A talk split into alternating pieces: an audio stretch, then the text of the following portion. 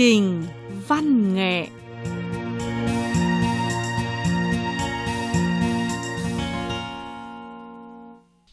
Các bạn thính giả thân mến, hoan nghênh các bạn thưởng thức chương trình văn nghệ cuối tuần trên sóng Đài Phát thanh Quốc tế Trung Quốc do La Thành và Ngọc Ánh dẫn chương trình. Xin chào quý vị và các bạn. Chúc các bạn đêm cuối tuần êm đềm đầy viễn tưởng.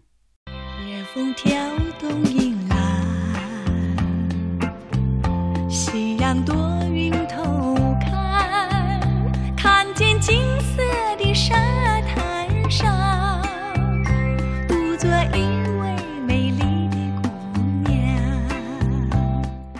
thân mến, ca nhạc lưu hành Trung Quốc đã có gần trăm năm lịch sử trong vô số ngôi sao trong làng ca nhạc thì Đặng Lệ Quân là ngôi sao sáng ngời nhất. Mấy chục năm đã trôi qua, biết bao sự đời đã đổi thay, nhưng Đặng Lệ Quân và những bài hát do cô trình bày vẫn luôn luôn chiếm vị trí quan trọng, thậm chí là một bộ phận không thể thiếu được trong đời sống tinh thần của mọi người. Cuộc đời của Đặng Lệ Quân tuy ngắn ngủi nhưng rất tuyệt vời và rất truyền kỳ. Chính giọng hát ngọt ngào với nụ cười duyên dáng, tính tình dịu dàng và lòng giàu từ thiện, nhân ái của cô là những nhân tố đan dệt cho cuộc đời ngắn ngủi và truyền kỳ của cô. Ngày 5 tháng 4 năm nay là Tết Thanh Minh. Đây là ngày tảo mùa thường nhớ người thân và bạn bè đã quá cố. Trong những ngày xuân về với đất trời, cỏ non mấy nhú, rất nhiều người yêu ca nhạc Trung Quốc không khỏi nhớ tới Đặng Đệ Quân có dòng hát ngọt ngào và nụ cười tươi xinh đã về nơi vĩnh cửu. Trong chương trình văn nghệ cuối tuần giáp Tết Thanh Minh hôm nay, chúng tôi xin giới thiệu về cuộc đời và sự nghiệp của chị Đàn Đại Quân và thưởng thức một số bài hát do chị trình bày để tưởng nhớ chị. Tin rằng nhiều bạn thính giả rất quen thuộc với giai điệu bài hát cũng như dòng hát ngọt ngào sau đây.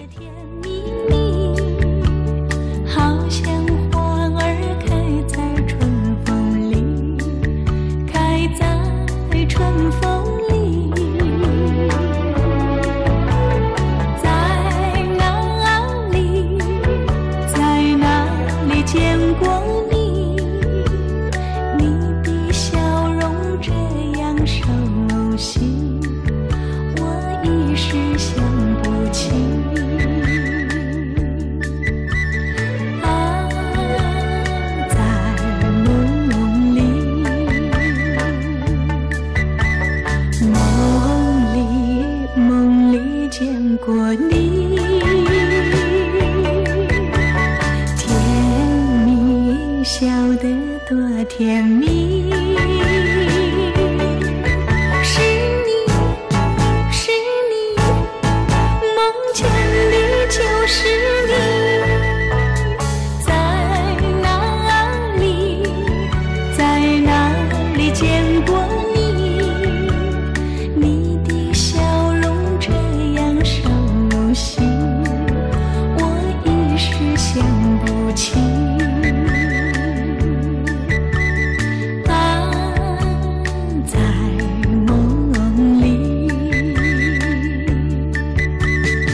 Ngọt sao tiếng cười, nhìn em lòng anh đắm say, như bông hoa thắm tươi trong vườn mùa xuân, nhẹ rung trong gió xuân. Từ nơi chốn nào dường như là trong giấc mơ, anh trông thấy em, sao thật đẹp xinh, cớ sao anh không nhận ra, thực hay là mơ. Mộng lành đã khiến anh gặp em, thấy em duyên dáng khi gặp anh, chính em, chính em, chính em đúng trong giấc mơ, từ nơi chốn nào dường như là trong giấc mơ. Anh trông thấy em luôn cười vui.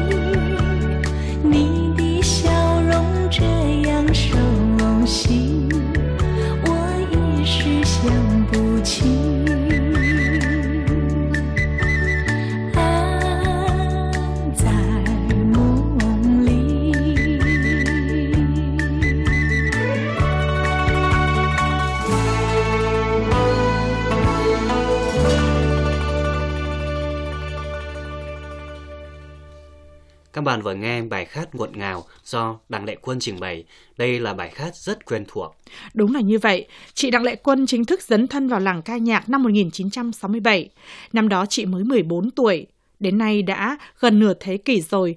Thế nhưng nếu bạn đi trên đường phố, ngõ hẻm hay đến các làng mạc thôn trang Trung Quốc, rất có thể bạn sẽ bất ngờ nghe thấy tiếng hát của chị Đặng Lệ Quân không biết từ đâu vọng tới bên tai bạn.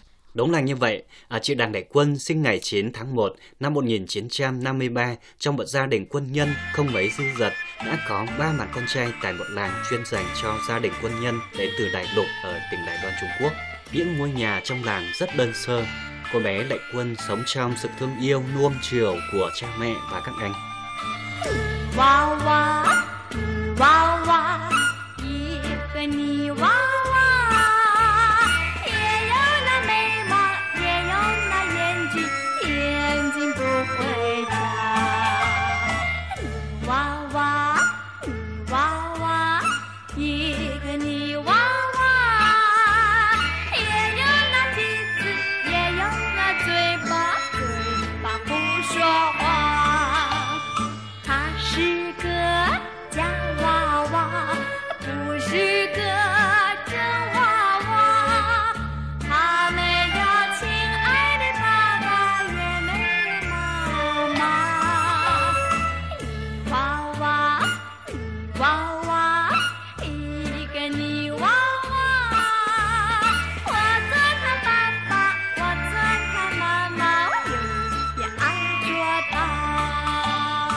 Nó là búp bê đất, cũng có đôi mắt, có lông mày, nhưng nó không biết chớp mắt. Nó là búp bê đất, cũng có mũi xinh, có miệng xinh, nhưng nó không biết nói chuyện. Búp bê đất không cha không mẹ, để bé làm cha, làm mẹ nó, để bé mãi mãi yêu thương nó, búp bê đất.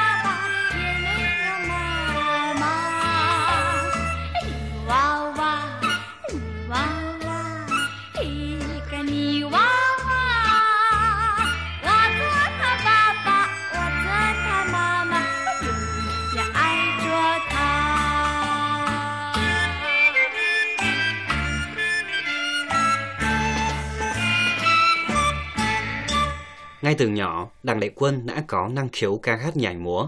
Bé Lệ Quân rất thích bắt chước giọng ca Chu Huyền rất nổi tiếng lúc bấy giờ và yêu thích dân ca của các địa phương Trung Quốc. Đặc biệt là chỉ cần bài hát nào nghe qua một hai lần là bé Lệ Quân liền nhớ ngay giai điệu và biết hát ngay. Đúng là như vậy.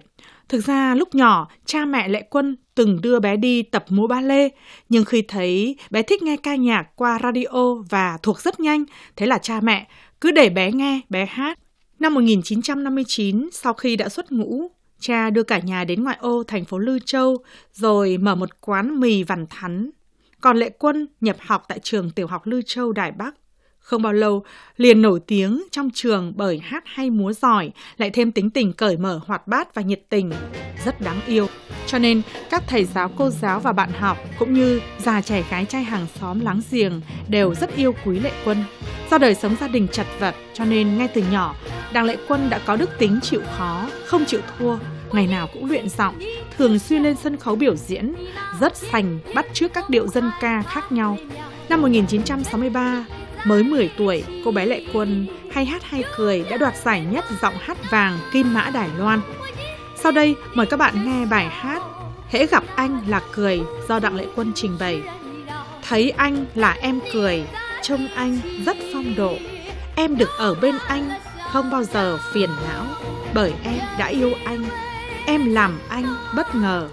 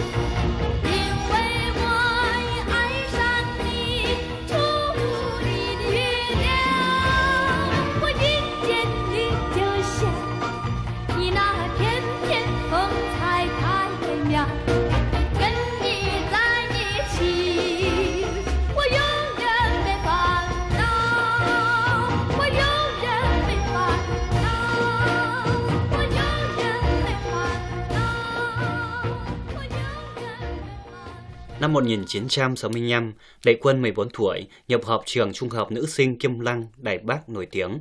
Từ đó, Lệ Quân đã được đào tạo thanh nhạc một cách chính quy. Sau khi tan học, Lệ Quân theo mẹ đưa đi biểu diễn tại một số hộp đêm. Từ đó, Đảng Lệ Quân dần dần được mọi người biết đến và trở nên rất nổi tiếng. Không bao lâu, Đảng Lệ Quân, cô bé sinh ra trên đời để mà ca khát lựa chọn thôi học, rồi ký hợp đồng với một số công ty băng đĩa Đài Loan.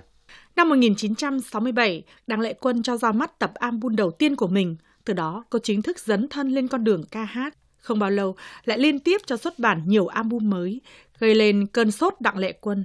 Cô đã trở thành thần tượng của muôn vàn fans và được mọi người cuồng nhiệt hoan nghênh. Năm 1969, Đặng Lệ Quân lần đầu tiên được mời đi biểu diễn từ thiện tại Hồng Kông, Trung Quốc. Sự ảnh hưởng của cô đã từ Hồng Kông lan tỏa sang nhiều nước Đông Nam Á. Rồi cô lần lượt đi biểu diễn lưu động tại các nước Việt Nam, Malaysia, Indonesia, Singapore, vân vân và trở thành ngôi sao sáng rực tại các nước Đông Nam Á. Mời các bạn thưởng thức bài hát Ánh trăng tỏ lòng em do Đặng Đại Quân trình bày. 月亮代表我的心。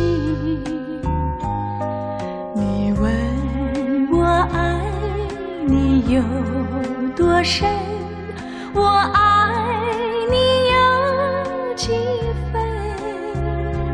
我的情不移，我的爱不变，月亮代表我的心，轻轻的一个吻，已经打动我心，深深的一段情，叫我思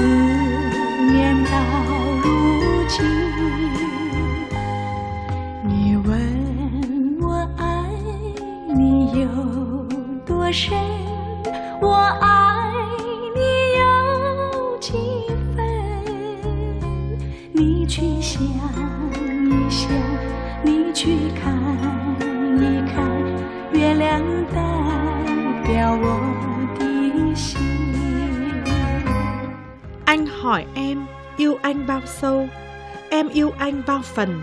Tấm lòng của em là thật, tình yêu của em cũng là thật.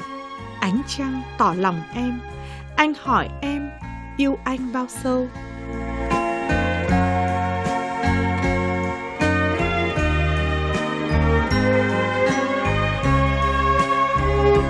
轻轻的一个吻，已经打动我的 心，深深的一段情，叫我思念到如今。你问我爱你有多深，我爱你有几分？你去想一想，你去看一看，月亮代表我的心。你去想一想，你去看一看，月亮代表我的。 Năm 1973, Đặng Lệ Quân nhận lời mời sang Nhật Bản biểu diễn. Để chinh phục khán giả Nhật Bản, chị đã khắc phục rất nhiều khó khăn từ ngôn ngữ cho đến tập quán sinh hoạt. Một tuần biểu diễn những 6 buổi. Không bao lâu, tập album mang tên Không Cảng, trình bày bằng tiếng Nhật của cô xuất bản, liền gây tiếng vang mạnh trong giới băng đĩa âm nhạc Nhật Bản. Tiếng hát của chị ngọt ngào, uyển chuyển làm thay đổi hẳn phong cách thể hiện trước kia của danh ca Nhật Bản đi sâu ngay vào lòng của mỗi khán giả. Đến nỗi tập album Không Cảng gồm những bài hát lần đầu tiên xuất bản tại Nhật Bản đã được xếp đầu bảng về số lượng phát hành. Sau đó, cô cho xuất bản mười mấy tập album những bài hát tiếng Nhật và tập nào cũng được xếp thứ ba trở lên về số lượng phát hành. Mời các bạn nghe bài hát Không Cảng do Đặng Đại Quân trình bày bằng tiếng Nhật Bản. 何も知らずにあなたはいたわたまには一人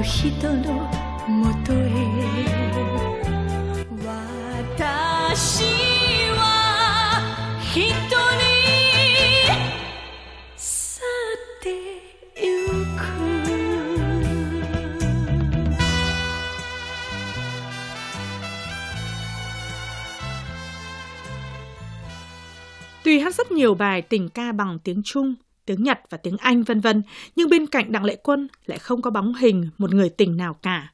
Cho đến năm 1979, khi cô sang Mỹ du học, tình cờ quen biết diễn viên Hồng Kông Thành Long.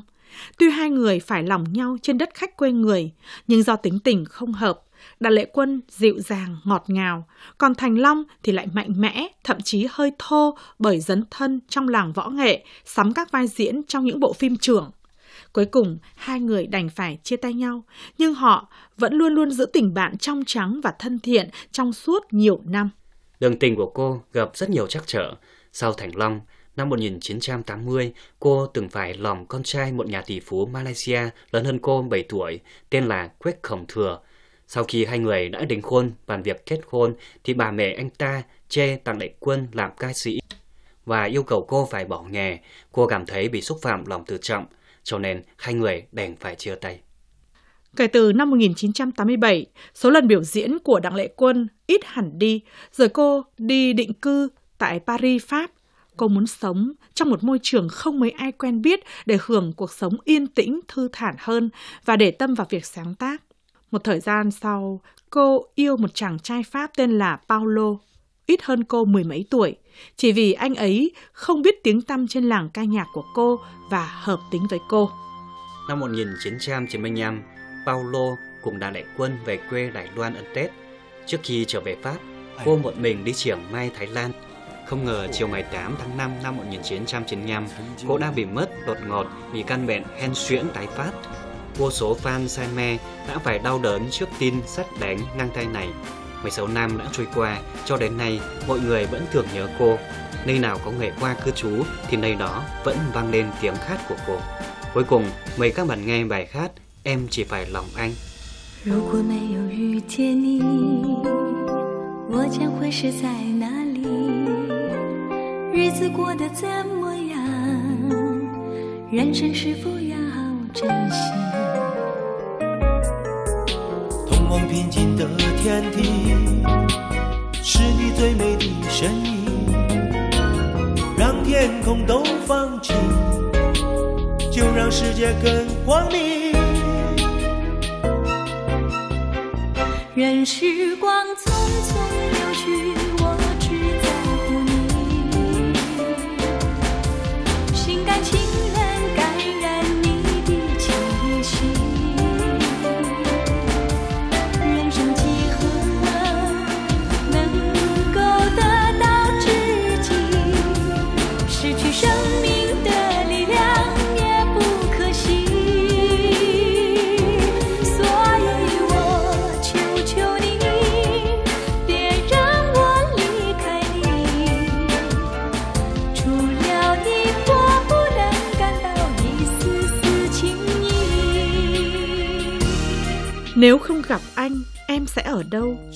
sống ra sao? Có phẳng lặng không? Chính tiếng Anh khiến bầu trời trong xanh, thế giới càng sáng sủa. Mặc cho thời giờ thấm thoát, em chỉ để tâm anh, cam lòng nuốt hơi thở của anh. Cuộc đời đâu dễ có được chi kỷ, cho dù mất sức, cuộc đời cũng không sao. Em cầu mong không bao giờ xa anh, ngoài anh ra, em không có mối tình khác. 时光匆匆流去，我只在乎你。心甘情愿感染你的气息。人生几何能够得到知己？失去生命的力量也不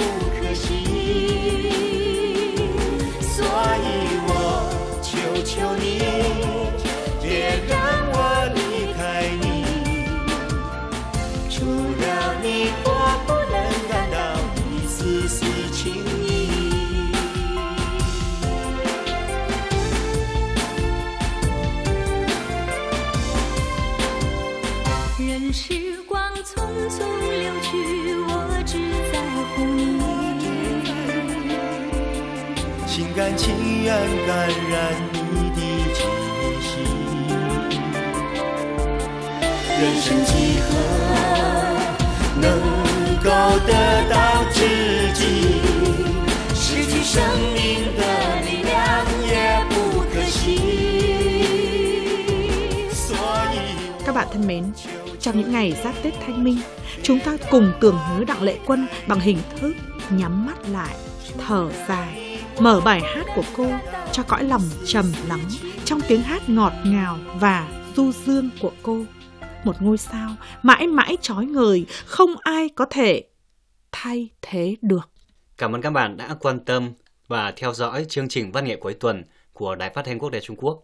Ngọc Ánh và La Thành xin tạm biệt và hẹn gặp lại các bạn.